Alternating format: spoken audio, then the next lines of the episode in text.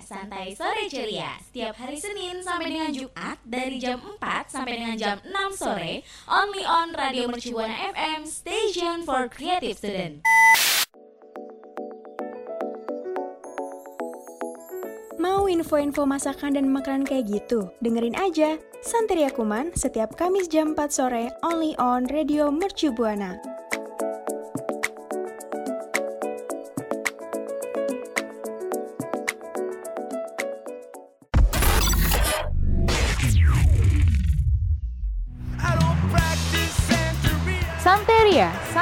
Sore Ceria will be airing on Radio Mercubuana FM, Station for Creative Student. Radio Mercu Buana Station for Creative Student Hai hai dan halo rekan Buana semuanya Akhirnya ya kita kembali mengudara nih di Santeria Kuman Apalagi gue happy banget karena sebagai penyiar baru sih sebenarnya Dan tentunya gue nggak bakal sendirian karena ada partner gue Ada gue Zulfikar di sini. Halo semua rekan Buana. Nah, akhirnya partner gue muncul juga nih ya, karena kita bakal ngobrol-ngobrol bareng gitu, bakal bahas yang menarik nih. Tapi sebelum kita ngomong lebih lanjut, gue nggak lupa buat ngingetin rekan Buana buat follow Instagram dan Twitter kita di @radiomercubuana. Yes, jangan lupa juga buat dengerin Spotify kita di Radio Mercu Buana dan kunjungi website kita nih rekan Buana di www.radiomercubuana.com. So, stay tune terus rekan Buana. Radio Mercu Buana, Station for Creative Student. Nah, tadi kan kita udah sempet notice ya kalau misalkan ini tuh program Santeria Kuman. Nah, mungkin rekan Buana yang belum tahu Santeria Kuman tuh apa sih? Jadi Kuman kan kuliner on Monday. Ini emang berhubungan sama kuliner dan makanan. Nah, kalau misalkan kita ngomongin soal makanan ya, kan apa-apa gitu kan kayak kita ngegoreng atau kita ya ngegoreng deh paling banyak banget gitu kan eh, sehari-hari makanan kan pasti namanya butuh minyak ya dan minyak ini sekarang tuh jadi salah satu produk yang lagi langka banget gak sih Zul? Yes, betul banget Nindra. Kayak minyak tuh something yang wah banget lah pokoknya kalau sekarang iya ini. kan? Iya bener banget apalagi sebenarnya tuh eh, dari langkanya minyak ini awalnya gara-gara masyarakat tuh eh, panik buying kali ya karena mereka tuh murah dikit langsung ngeborong gitu. Jadi akhirnya kan eh, stoknya makin menipis juga kan? Iya betul banget. Ini sama kayak awal-awal eh, si pandemi sih sama kayak pandemi Hmm, kayak panik buying itu hype banget gitu, parah banget. Hmm, parah banget. Makanya sekarang dari kelangkaan itu terus sampai eh, mungkin saat ini emang stoknya mungkin udah mulai ada gitu ya. Cuma kan harganya dua kali lipat nih ya mohon maaf agak eh, menguras kantong juga ya jadi mikir dua kali juga sih apalagi kan mau ramadan tuh Ah, ah, betul banget. Apalagi si minyak nih gue liat-liat di sosmed kayaknya jadi primadona banget lah pokoknya kayak di mana-mana ada gitu dia. Mm-mm, bener banget Cuman yang gue bingung, gue masih nungguinnya aja sih, Dra. Kayak tanggapan Apa? Lesti tentang minyak goreng ini nih, kayak naik banget. Aduh, aduh. Iya bener banget. Kayaknya emang semua isu yang lagi hangat di masyarakat emang harus ditanggepin sama Lesti dulu ya, Betul banget. kayaknya aman Betul gitu. banget. Iya setuju, setuju. Oh iya bener banget. Tapi kalau misalkan eh, ngomongin soal puasa nih ya, kita biasanya kan eh, sore-sore gitu suka nyari takjil Nah, gitu ya iya, kan. Betul banget. Nah ini tuh kalau misalkan kita apa ya kita sering lihat atau bahkan ini jadi favorit gue sendiri sih gue paling suka banget sama tahu Apalagi kalau misalkan nyari takjil pandemi kayak gini agak mager nggak sih kalau buat Hmm. kita keluar mending kita di rumah goreng-goreng sesuatu atau mungkin bisa goreng tahu kali ya. Iya benar, soalnya daripada soalnya kalau dihitung-hitung daripada jajan gitu ya, kadang kan kita juga nggak tahu nih. Jadi eh, alangkah baiknya kan kita buat sendiri gitu nggak sih Zul? Iya betul banget Indra. Mm-mm. Kalau Nah, sendiri ada nggak sih tips-tips buat si goreng tahu gini atau yang lainnya gitu buat takjil? Ada. Ini sebenarnya apalagi lebih ke apa ya kita tuh gimana caranya tips buat bikin tahu goreng awet, renyah, pakai minyak dan tanpa minyak. Apalagi kan Mantep sekarang banget. kita, Mm-mm, makanya kan penasaran tuh kan pasti kayak Penasaran banget gue kayak tanpa bisa? minyak. Ah, tanpa minyak tuh maksudnya pakai air kah atau apa gitu ya kan? Ya, Mm-mm, Cuma eh, ternyata nih cara ada caranya juga nih. Jadi pertama itu kita harus eh, gunain tahu yang kokoh gitu. Jadi kan karena si tahu ini kan mungkin eh, apa ya kayak tingkat kelembutan atau jenisnya kan emang beda-beda gitu ya. Entah itu ada yang namanya tahu sutra, terus tahu Jepang lah lah gitu banyak jenisnya. Oh, iya ngerti ngerti ngerti. Mm. Jadi eh, kita tuh harus bisa milih yang sekiranya teksturnya tuh renyah gitu yang bisa dimasak ketika dimasak terus kita juga harus pintar-pintar lah pokoknya cari si tahu yang teksturnya nih kokoh gitu tapi bagiannya tetap lembut gitu Terus kalau misalkan yang kedua kita juga punya buat rekan buana si tahu ini tiriskan tahu nih. Jadi ketika rekan buana atau lu sendiri Indra kan suka Iya. banget tahu nih. Lu Iya. ngambil tahunya tuh pasti kan ada airnya nih si di dalam tahu tersebut. Karena si air tersebut tuh gunanya buat biar bisa segar lah pokoknya si tahunya tersebut biar agak lembab juga. Iya bener, soalnya emang perlu ditiriskan gak sih? Soalnya tuh kalau misalkan nggak ditiriskan kayak didiemin gitu kali ya Mungkin kayak minyak-minyak yang ikut tuh jadi eh, malah nggak kelihatan renyah apa malah kelihatan aneh gitu nggak sih? Nggak enak aja Iya lihatnya nih, harusnya kayak gitu. Harus ditiriskan juga si airnya tersebut. Walaupun Mm. biar kelihatan segar, airnya tetap ditirisin pasti goreng tersebut. Eh betul, setuju. Nah selanjutnya nih ada eh, tambahkan tepung maizena. Nah kalau misalkan mau bertekstur renyah, apalagi kan emang makin enak kali ya kriuk-kriuk gitu. Nah makanya kita Crunchy, tuh crunchy gimana eh, gitu kan. crunchy gimana gitu ya. Kita tuh harus ngelapisin tipis-tipis sama si tepung maizena ini karena ternyata si tepung maizena ini bisa dibilang dia tuh ngebantu buat mengurangi kelembapan gitu. Iya. Gue udah tahu lu.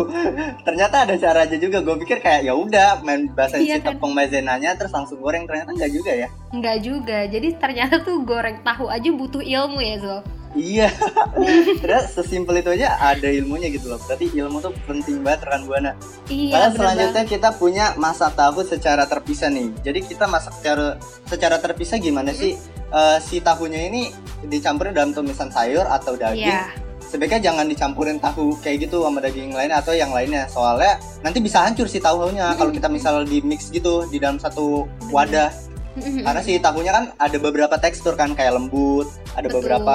Takutnya yang ditakutkan adalah si tahu tersebut hancur gitu. Hmm, oh iya iya itu kan ini aja gue kayaknya baru tahu deh. Jadinya kan gue juga jadi antisipasi nih kalau misalkan goreng tahu nggak nyampurin sama bahan-bahan yang lain. Hmm, Iya, nah itu terus selanjutnya ini berarti eh, ini tuh tipsnya jangan terlalu banyak saat ngegoreng.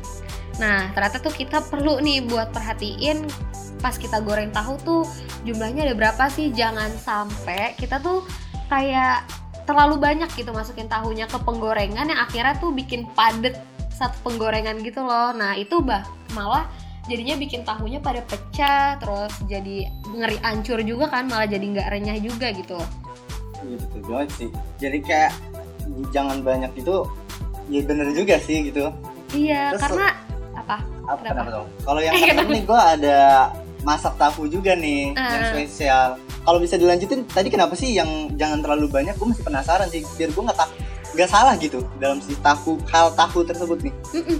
Jadi kalau misalkan kenapa nggak boleh terlalu banyak mungkin ini kali ya karena kalau misalkan kita taruh tahunya di penggorengan terlalu banyak emang kan bakal nempel juga nggak sih takut eh, bentukannya tuh juga jadi nggak beraturan atau mungkin jadi yang eh, yang paling rawan sih pecah kali ya jadi adonannya tuh nggak nggak nggak sempurna gitu loh kayak belum jadi nggak jadi gitu Oh ngerti ngerti ngerti. Mm-mm. Iya sih. Takutnya kalau kebanyakan juga bakal pecah si tahunya si dalamnya bakal robek atau yang lainnya ya. Mm-mm, bener banget Lalu yang terakhir selanjutnya nih, gue punya ini yang penting banget sih, penting banget buat yang lain kayak inti darinya inti gue deh. Jadi masak tahunya tuh lewat air fryer. Jadi kan si air fryer ini kan lagi hype banget nih di kalangan Hmm. selebgram, ya Wah, banyak iya lainnya lah kayak air fryer ini uh, suatu alat yang masaknya lagi populer banget lah pokoknya. Mm-mm. Apalagi si harga minyak kan lagi ngelonjak banget nih Iya. kayak sekarang. Nah ini adalah salah satu uh, kuncinya gitu, jawaban dari bagaimana cara ngegoreng tanpa minyak. Jadi saya fryer ini nggak usah pakai butuh banyak minyak atau minyak sedikit pun buat goreng si tahu tersebut nih, Indra. Hmm, jadi ini emang tips yang terakhir tuh ja- jadi salah satu solusi nih ya buat ibu-ibu dan mungkin eh, anak-anak yang suka goreng-goreng buat takjil terus buat berbuka di puasa ini ngebantu banget berarti ya Zul. Yes, benar banget, Indra. Mm. Tapi kalau misalkan lu sendiri tipe orang-orang yang suka goreng-goreng juga kan nih? Ah, goreng-goreng banget dong semuanya. Semuanya gue goreng. Oh ya semuanya digoreng. Bagus-bagus. Ini berarti Soal- pas banget ya bahasa minyak. iya, soalnya tuh gue suka gabut aja. Kalau Hmm. lapar dan gak ada makanan ya apa aja gue goreng yang bisa digoreng. Hmm, hmm, hmm. yang penting jangan goreng manusia sih Waduh. soalnya ngeri Waduh. Kan? Nah, Goreng teman boleh sih. iya temen yang ngeselin Nah, setuju betul sih banget. setuju setuju kalau itu nah mungkin dari rekan buana ada nggak sih yang eh, apa ya kayak bingung juga gitu. Karena kan harga minyak lagi naik terus akhirnya aduh harus ngapain ya buat ngehemat minyak? Nah makanya tips yang tadi tuh bisa rekan buana terapin atau mungkin rekan buana juga bisa nih sharing sharing tentang dunia pertahuan kali ya. Mungkin eh, rekan buana punya tips-tips lain yang bisa kita gunain juga buat menghemat minyak. Nah jangan lupa buat mention di twitter kita di @radiomercubuana dan jangan lupa pakai hashtagnya Senteria Kuman.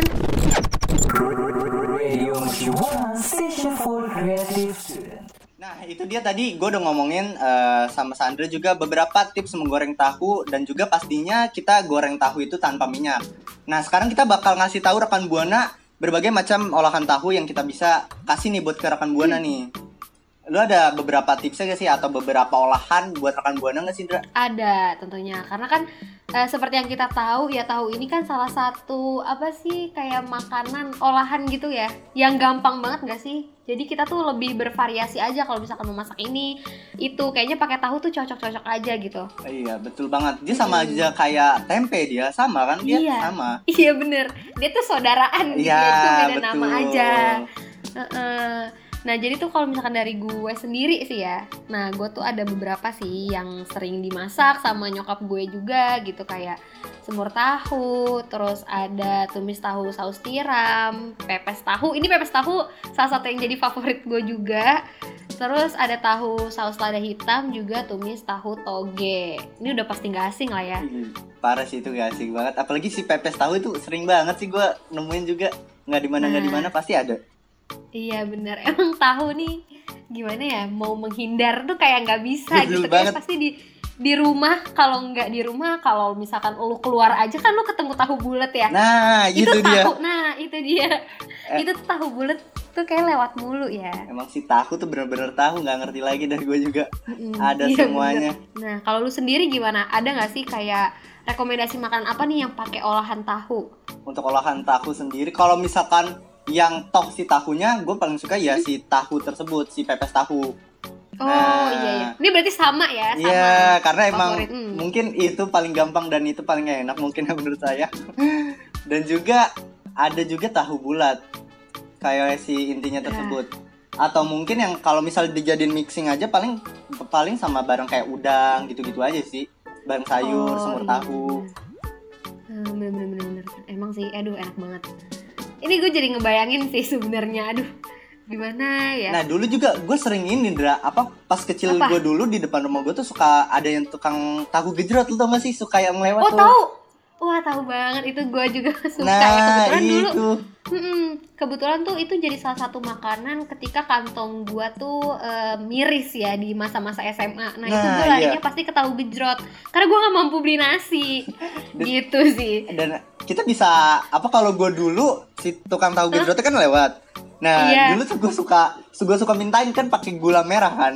Nah gula Oh, iya, merahnya gue bener-bener. mintain karena kan enak dia aja sambil nungguin abangnya nggak gejrot si tahunya gue mintain gulanya gue umputin aja udah tuh.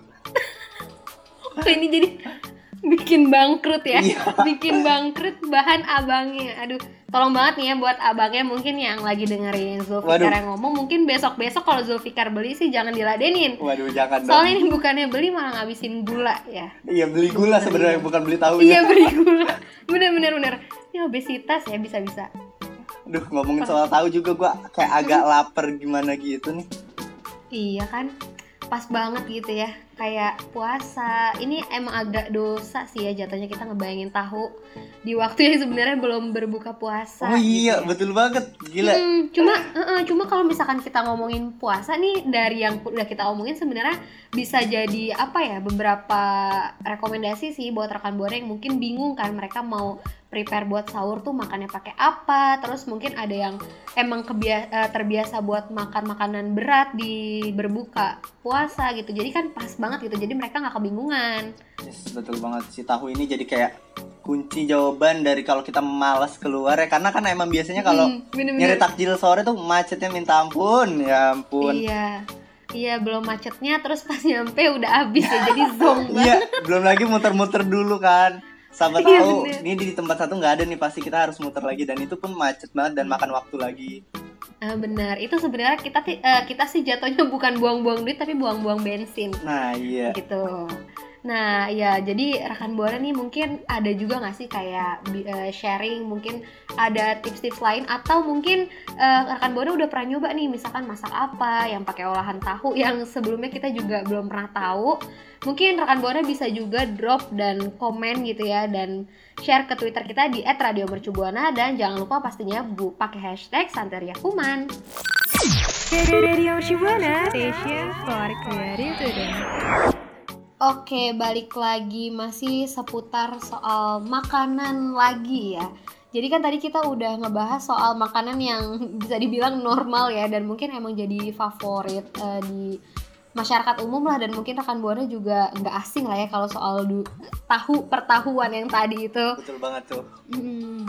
Nah, sekarang nih kita agak beralih ya karena ini kita tuh bakal kasih tahu beberapa hidangan makanan kali ya yang mungkin cukup aneh dan gue tuh eh, tahu ketika tahu ini tuh juga agak geleng-geleng sih karena apa sih nih rasanya gitu gak sih? Betul banget karena bukan dari cara pengolahan aja yang berbeda sama bahan-bahannya Hmm. juga berbeda gitu. Jadi yang Nah, ngebuat gue juga kayak ada ya kayak gini. Gue juga bingung. sama lebih ke siapa yang mau makan sih? Iya betul banget karena kalau ini siapa yang makan. Sedangkan kalau misalkan gue mikir kalau gue yang ngolah aja gue juga bingung nih siapa yang mau makan. Iya makanya kayak lebih ke aduh gue ngeri jadi nggak suka tapi kok kayak men- kadang tuh menarik gitu karena kita belum nyoba kan kita kadang kepo gitu ya Iya karena mau nyoba kan ini gimana rasanya. Cuman kalau untuk Hmm. bentukannya sudah seperti ini saya juga agak bingung ya mau nyobanya gimana. Iya, jadi sih angkat tangan aja ya. Mundur. Nah, jadi ini ada 10 hidangan paling aneh sedunia. Udah aneh paling lagi. Udah ketebak lah ya. Udah paling-paling dah. Ada apa Udah aja sih? paling-paling. Ada apa aja sih tuh kalau gue boleh tahu buat rekan buana juga nih. Nah, ya jadi yang pertama itu ada balut dari Filipina. Nah, jadi tuh Balut? ini tuh balut. Iya, balut. Jadi tuh balut ini eh, kayak embrio bebek. Terus dia tuh direbus secara hidup-hidup di dalam cangkangnya. Nah, ini tuh hidangannya tuh emang khas juga sih dari si Filipina ini. Nah, tapi tuh penampilannya ya Ah. dari cara hidangannya itu kayak nggak ngegugah selera gitu buat dikonsumsi. Bentar deh, ini apa Iya. tadi embrio bebek? Iya, embrio Gue bebek. gak ngerti. Itu dari Iya. embrio bebek kan berarti kan kalau misalkan gue perinci nih untuk si makanan tersebut Mm-mm. berarti kan berair dan juga lembek kan. Iya. Apalagi nih direbus Ah. secara hidup-hidup sama si Bener. cangkangnya. Jadi gue embrio Iya, kan belum dia. jadi kan harusnya iya gak sih? Nah, Iya kan? Iya, embrio tuh masih dalam bentuk proses nggak sih kayak dia tuh masih Iya embrio Bener-bener yang tahu. iya belum bentukannya tuh masih nggak jelas gitu. Eh, Iya bener banget dan ini udah bisa apa ya mereka bisa mikir itu bisa buat dikonsumsi ya masih agak bingung sih. Ini gue juga aneh banget sih. Lalu yang Coba. kedua nih gue ada lagi nih. Namanya sustoming atau ikan basi dari Swedia, ya kan? Lo dari denger namanya aja aneh kan? Gue juga bingung. Aneh. Nah, jadi si sustoming atau ikan basi ini menggunakan ikan haring dari Laut Baltik yang difermentasi Hmm. dengan garam supaya kagak basi itu. Nah, cara penyajiannya juga ditempatkan dalam kaleng kayak sarden gitulah. Si Oh, sarden-sarden iya, iya, yang pada umumnya. Hmm. Nah, pas si penyajian itu di tempat kaleng tuh supaya ketika dibuka akan mengeluarkan aroma yang tajam. Jadi nyengat banget tuh di hidung. Karena si Oh. fermentasi tadi kan. Oh iya iya iya benar. Lu kayak ada ini gak sih kayak ada pandangan untuk si ikan basi ini?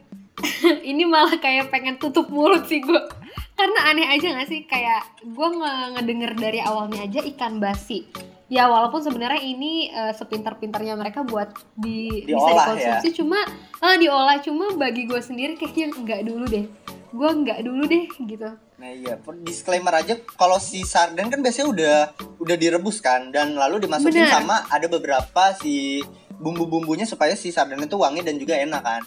iya Kalau ini enggak bener-bener garam ikan toh dimasukin ke kaleng. Jadi kayak Iya, gue coba. juga aduh gimana ya. Berarti kan amis banget. Kayak amis banget. Amis banget nggak sih seharusnya?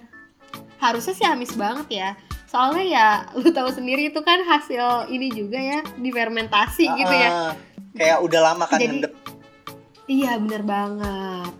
tapi nggak cuma itu aja nih karena masih ada yang aneh-aneh Oke, Kita tadi Nah, nyebutin dua, berarti berarti masih ada 8 lagi yang harus kita sebutin. 8 lagi nah ya jadi buat rekan buana ini masih pemanasan ya sebenarnya mungkin nanti bakal makin senam jantung ya karena, Karena si makanannya makin makin aneh gitu. jelas Heeh, bener banget Ada apa lagi sih kalau gue boleh tahu buat rekan buana juga Iya. nih? Jadi yang ketiga itu ada mata tuna. Nah mata tuna ini dari Jepang. Jadi sebenarnya tuh eh, bisa dibilang makanan ini eh, kelihatan menjijikan. Cuma ternyata katanya tuh eh, dia tuh punya cita rasa yang hampir sama kayak gurita atau cumi-cumi gitu. Nah rekan buana kan pasti banyak yang suka juga nih. Jadi nggak cuma daging tuna aja yang diambil, tapi Mata matanya tuna juga berarti. bisa dikonsumsi. Bener-bener literally Mata ya? mata bener mata gitu. Iya, mata, Astaga. mata doang. Astaga. Gimana ya? Ini kalau misalkan daging masih normal lah mata, emang ada dagingnya ya? Apa yang bakal dimakan gitu? Ah benar. Lebih ke ini gak sih kayak eh, lu bisa ngebayangin gak sih kayak rasanya lu makan mata? Ya gue sebenarnya juga nggak pernah makan mata Iya juga apa-apa sih. Itu juga bingung Jadi, ya. Jelasin dari gimana. Pokoknya intinya berarti si mata tuna tersebut. Heeh, iya si mata bener-bener pure mata gitu loh. Cuman tetap ya itu masih bisa dikonsumsi dan punya nilai gizinya pastinya kan. Gak mungkin Iya benar. benar. eh, dijual begitu aja kan. Hmm, karena mungkin eh, dibalik keanehan itu kan kadang ada kelebihannya juga ya. Iya, bener banget. Karena Mm-mm. agak aneh aja dari si mata tuna. Ah, betul. Selanjutnya ada apa sih nih Zul? Selanjutnya gue ada seribu tahun telur. Ini dari Waduh. Tiongkok. Nah, Hmm, jadi si gimana? seribu tahun telur ini yang dimaksud adalah setelah disimpan dalam campuran malam atau abu atau yang Yap. lainnya eh, dalam kapur selama beberapa bulan atau eh, sehingga si telurnya ini yang ada di dalam itu mulai, mulai berubah warna gitu. Oh. Sampai warnanya tuh agak ya lu tau lah kalau misalkan si telur di bakal di disimpan beberapa malam gitu Ah, menggunakan abu pasti Iya, agak iya, kayak gelap-gelap gimana gitu. Nah, nanti si kuning telurnya ini berubah jadi hijau gelap. Kalau enggak hitam, tergantung dari fermentasinya. Kita simpan berapa lamanya. Oh. Nah, untuk si putih telurnya nih nanti bakal jadi coklat gelap gitu dia, sama kayak jelly. Gimana tuh? Jadi kayak gimana sih kalau misalkan kita nyimpen telur, jadi benar-benar disimpan si putih telurnya nih agak gelap gitu. Jadi kayak agak Oh, kenyal-kenyal. iya, iya. Ka- Lu kalau misalkan tahu kan kayak genyih-genyih amis gimana gitu. Iya iya iya kan? itu udah mulai Nah, kebayang ini sih. kalau misalkan disimpan kan dia pasti akan kayak jelly gitu kan. Jelly iya Nah, betul. Cuman kan jelly biasanya wangi atau yang lainnya. Mm-mm. Ini lu tahu kan kalau telur bar- berarti kan amis banget ya. tahu tahu ini sebenarnya emang dari tadi pembahasan kita tuh berkaitan sama amis-amis ya. Capek ya banget. amis bau gue juga nggak ngerti dah kenapa ada orang yang makan ini. Heeh, benar. Karena sebenarnya tuh kalau kita pikir-pikir kan kita mau makan itu pasti awalnya tuh dari bau nggak sih? Iya. Dari Eh, baunya aja kalau misalkan kita nolak juga kita bakal hawa nafsu kita juga bakal turun dong harusnya. Iya nggak sih? Bener bener bener bener harusnya sih gitu ya. Tapi nggak tahu orang-orang luar di sana gitu. Entah bagaimana dia untuk menghidangkannya ya atau memakannya Nah. juga. Mm-mm, betul. Untuk Nah, selanjutnya ada nggak? Nggak. ada lagi Ada lagi. namanya. Apa ada tuh? lagi Apa tuh? masih. Ini makin Ada penasaran deh. eh, kasu marzu. Ini lebih-lebih keju basi ya. Dari Italia. Dari tadi kita kan ngebahas yang Nggak basi kuat. itu sih. Kayak basi, bau. Bener, ini kayaknya kita meng- ini sih kayak ini harusnya bukan paling aneh sebenarnya, tapi ini ada list makanan mengundang maut sebenarnya.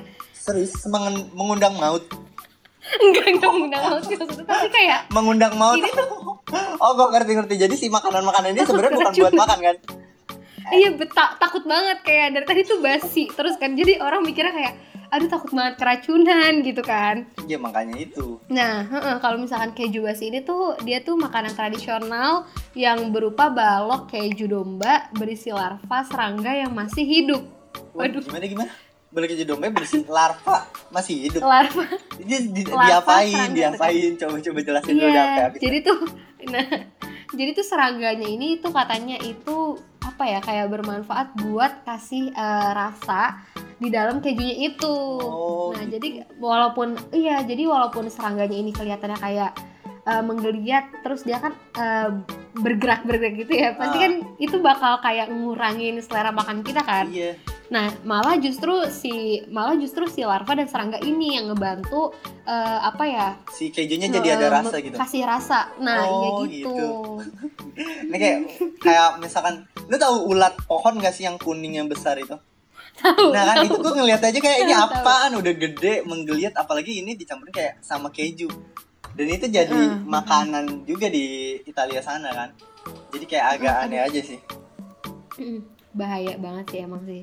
lalu kita selanjutnya Nah. nih gue ada punya lagi nih yaitu tarantula goreng dari Kamboja ini jangan ketawa dulu jangan ketawa dulu beneran ini Oh, jangan ketawa dulu. tarantula dulu. goreng di Kamboja sana ada tarantula goreng merupakan snack yang biasa banget buat dikonsumsi gitu. Jadi hal yang lumrah buat di Kamboja untuk nyemilin si tarantula.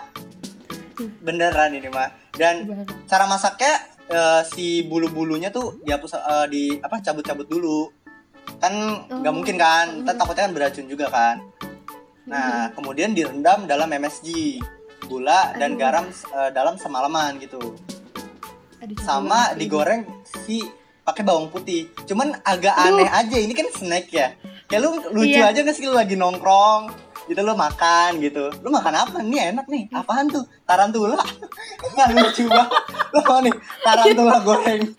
Nawarinnya gimana ke temen sendiri? Oh ya, Mak iya apalagi kan aneh banget. biasanya eh, biasanya kan kalau misalkan di tongkrongan-tongkrongan kan kita pakai eh, teh gelas Ah, terus iya. eh, mak- eh, ini kan kayak pasangannya tuh basreng Iya. atau enggak kayak kerupuk-kerupuk kulit atau apa ya Iya kan? Kayak kayak mereka tuh beda enak aja kan kalau misalkan numpul kayak gitu. Lu mau nggak apa nih? Tahu. Ya kan enak gitu ya ngomongnya. iya enak Coba kalau tarantula lu cobain. Lu lagi makan. lu mau nggak? Apaan tuh? Tarantula. Gak lucu banget tarantula Iya, goreng. lucu ya. Iya kalau di ini Iya, takut. aneh kan.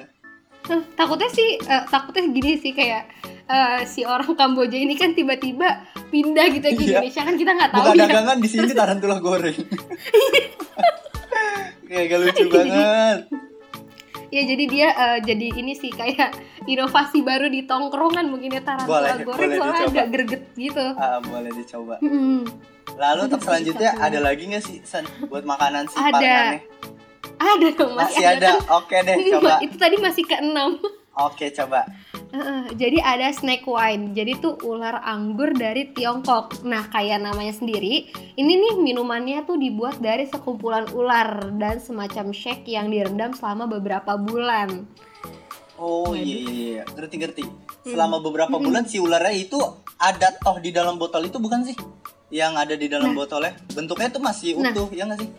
Mm-mm, jadi tuh eh, dia tuh emang apa ya? Kan ada ular nih. Nah, terus ada juga etanol di dalamnya yang itu tuh fungsinya buat eh, apa ya? Jatuhnya buat eh, bikin aman gitu ya untuk dikonsumsi dan dipercaya juga buat eh, bagus gitu untuk kesehatan. Oh karena si etanol itu buat si ular tadi kali ya. Takutnya masih ada Bener, beberapa bener. bisa yang nyangkut. Ntar nggak kan nggak lucu lagi minum tiba-tiba lewat kan nggak lucu kan? Iya. Makanya pakai Iya, si karena- etanol tersebut. Eh, benar karena takut banget sih ya kalau misalkan nggak pakai etanol terus si orang ini konsumsi udah pasti eh, ini ya KO gitu ya. Iya betul banget. Lalu selanjutnya kita ada urutan ke nomor 8 ada blood Hmm. sausage atau sosis darah dari Afrika. Sebenarnya ada banyak sih. Di Afrika ada, Asia ada, Amerika dan juga Eropa. Nih meski banyak gitu ya ditemuin di mana-mana, Hmm. banyak orang berpikiran bahwa ini makanan yang menji- menjijikan gitu kan. Sosis darah apaan tuh sosis darah ya kan? Jadi si sosis ini itu terbuat dari darah yang dibekukan. Kemudian Oh, diberi iya, bumbu-bumbu natural kan, tapi agak aneh aja nggak sih kayak darah Iya. gitu loh.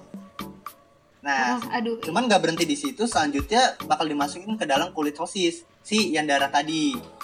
Nah, habis itu oh. baru dia siap disajikan dan dimasak dalam bentuk apa pun.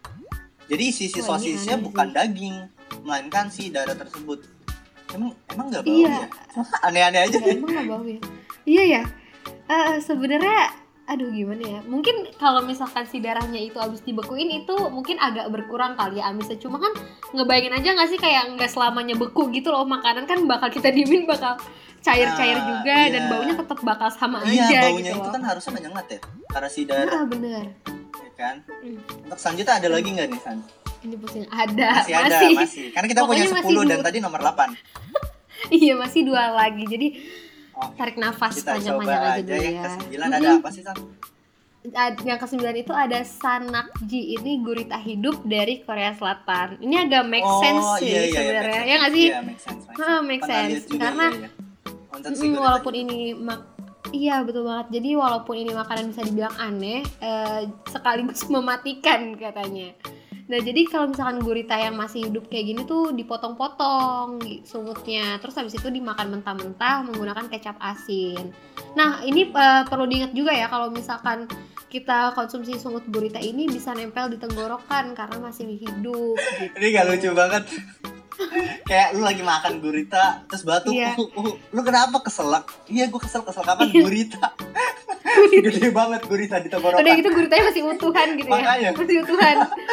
Gurita hidup ada di tenggorokan. Iya, tapi eh, tapi seenggaknya dari sederetan makanan yang aneh tadi ini paling make sense sih sebenarnya Mum. Iya, agak- masih iya. masuk akal kan karena emang di Korea juga atau Jepang sana eh, Iya. ada beberapa kayak sushi yang gunain kayak gini kan, kayak misalnya gurita Ah. atau ikan lainnya. Ini masih make sense sih. Ah, betul banget. Oh. Terus ada apa lagi nih ya? Mungkin kira-kira masih aneh atau enggak Ini nih yang masih terakhir? normal sih untuk beberapa Oh, normal. orang di Indonesia juga masih memaklumi makanan ini. Ini datang Hmm. dari negara emang yang makanan tuh aneh-aneh. Kalian Hmm. lu dan rekan buana juga pasti udah kayak nebak-nebak lah negara apa. Iya. Ini datang dari Thailand. Jadi di Oh, si- sawadikap ya. uy. Jadi si Thailand ini emang emang ciri khas sih kayaknya. Emang makanannya juga kayaknya gitu deh. Kayak misalkan Oh. ada ulet, jangkrik, Hmm, dan hmm, ada hmm. beberapa lainnya kayak apa ya Iya. banyak sih dia di sana kayak ular sate Iya. ular juga ya ada di sana deh. Iya deh. eh, kalau ini sih sebenarnya enggak eh, lebih make sense lagi ya. Iya. Iya jatuhnya kayak eh, ini sebenarnya kalau di Thailand pun eh, street foodnya kan Nah, emang iya, untuk cemilan cemilan kayak gitu kan kayak. Ah, betul. Heeh, jadi eh, untuk makanan ini masih bisa ya masih normal lah ya dan mungkin ini cuma soal suka nggak suka aja sih kembali lagi sama selera tiap orang gitu. Iya, betul banget. Mm, Betul banget karena di Thailand ini eh, kita juga ada belalang. Iya. Si belalang ini juga makanan khas banget buat si negara Thailand tersebut. Iya, Jadi secara si belalangnya ini eh, dibumbui biasa sama dengan garam gitu lada dan juga cabe. Terus digoreng aja gitu dalam wajan yang besar. Mm-mm, ya kan jadi emang. Dan katanya nih ya, rasanya itu kayak makan popcorn. Aduh, Cuma bedanya ketika digigit akan ada cairan karena dari si belalang itu yang buntutnya kan ada kayak agak mengembung kan. Nah itu isinya kan air. iya, Nah, itu oh agak iya. muncrat gimana gitu sensasi dalam mulutnya. Ah, mm, tapi sebenarnya masih bisa kebayang agak penasaran sih Nah. sebenarnya pengen nyobain ya kalau makan kayak gitu cuma Iya. bayangin aja gitu biasanya kan gue ngeliatnya di kebun gitu ya tiba-tiba dimakan sama gue Ah, sendiri iya. agak gimana gitu Tapi ba- belalang kayak udah jarang. Lu sadar gak sih akhir-akhir ini juga belalang kayak udah enggak enggak ada Jarang, deh di ah. lingkungan rumah. Sama, Iya, udah jarang banget. jarang kayak Dulu tuh masih sering banget. Iya kalau misalkan dulu tuh kayaknya eh, kita duduk aja maksudnya kayak di rumah gitu kadang suka depan pintu Iya, sekarang ada kan. ah, gitu sih. Banget. Nah mungkin dari rekan buana yang udah dengar makanan-makanan yang super aneh tadi dan mungkin emang ada dua hidangan sih ya masih masuk akal di akhir. akal. Hmm, dan mungkin rekan buana juga punya tanggapan apa soal makanan-makanan yang udah kita sebut tadi. Bisa banget tuh buat rekan buana ceritain atau mungkin udahlah pokoknya bagi-bagi aja sama kita eh, buat mention di Twitter di @radiomercubuana dan jangan lupa pakai hashtagnya Santeria Kuman. Radio Mercubuana, Station for Creative Student. Akhirnya setelah bahas banyak banget kan ya Dari yang pertama tuh kita udah ngebahas soal gimana sih caranya kita ngegoreng tahu tapi hemat minyak Yes, betul banget. Terus kita, terus kita juga ngebahas berbagai macam olahan tahu yang mungkin rekan buana bisa coba buat eh, hidangan buka puasa atau di sahur juga gitu biar nggak kebingungan. Dan juga yang paling terakhir kita tadi eh, gue sama Zulfikar udah bahas banyak banget makanan-makanan yang sebenarnya tuh eh, apa ya bisa dibilang gak masuk akal. Tapi kita juga kan nggak tahu ya mungkin ada eh, manfaat atau eh, di balik itu tuh makanan dihidangkan tuh karena apa sih Iya, gitu kan. Cuman ini Ndra, sayang-sayangnya kita Apa udah mulai mau buka puasa kan udah mau sore juga nih. Oh, kita harus iya, pamitan. banget lagi. Iya, cuman gue di sini bakal ngingetin juga buat rekan buana gak bosan-bosan banget gue bakal ngingetin buat follow sosial media kita nih di Twitter dan juga Instagram di @radiomercubuana. Nah, dan gak cuma itu aja, karena rekan Buana juga bisa kunjungin Facebook Radio Mercu Buana dan jangan lupa dengerin program siaran kita nih dan juga program yang lainnya di Radio Mercu Buana dan jangan lupa juga kunjungin di www.radiomercubuana.com buat baca-baca artikel-artikel yang menarik. So, kalau gitu gue Sandra pamit undur suara. Dan gue Zulfikar di sini pamit undur suara. So, see you.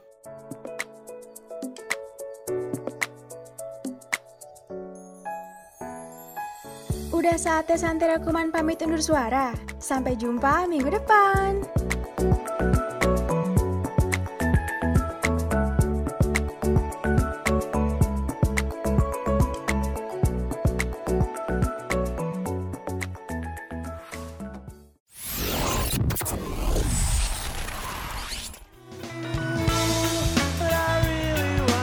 Terima kasih kamu udah dengerin Santeria, Santai Sore Ceria.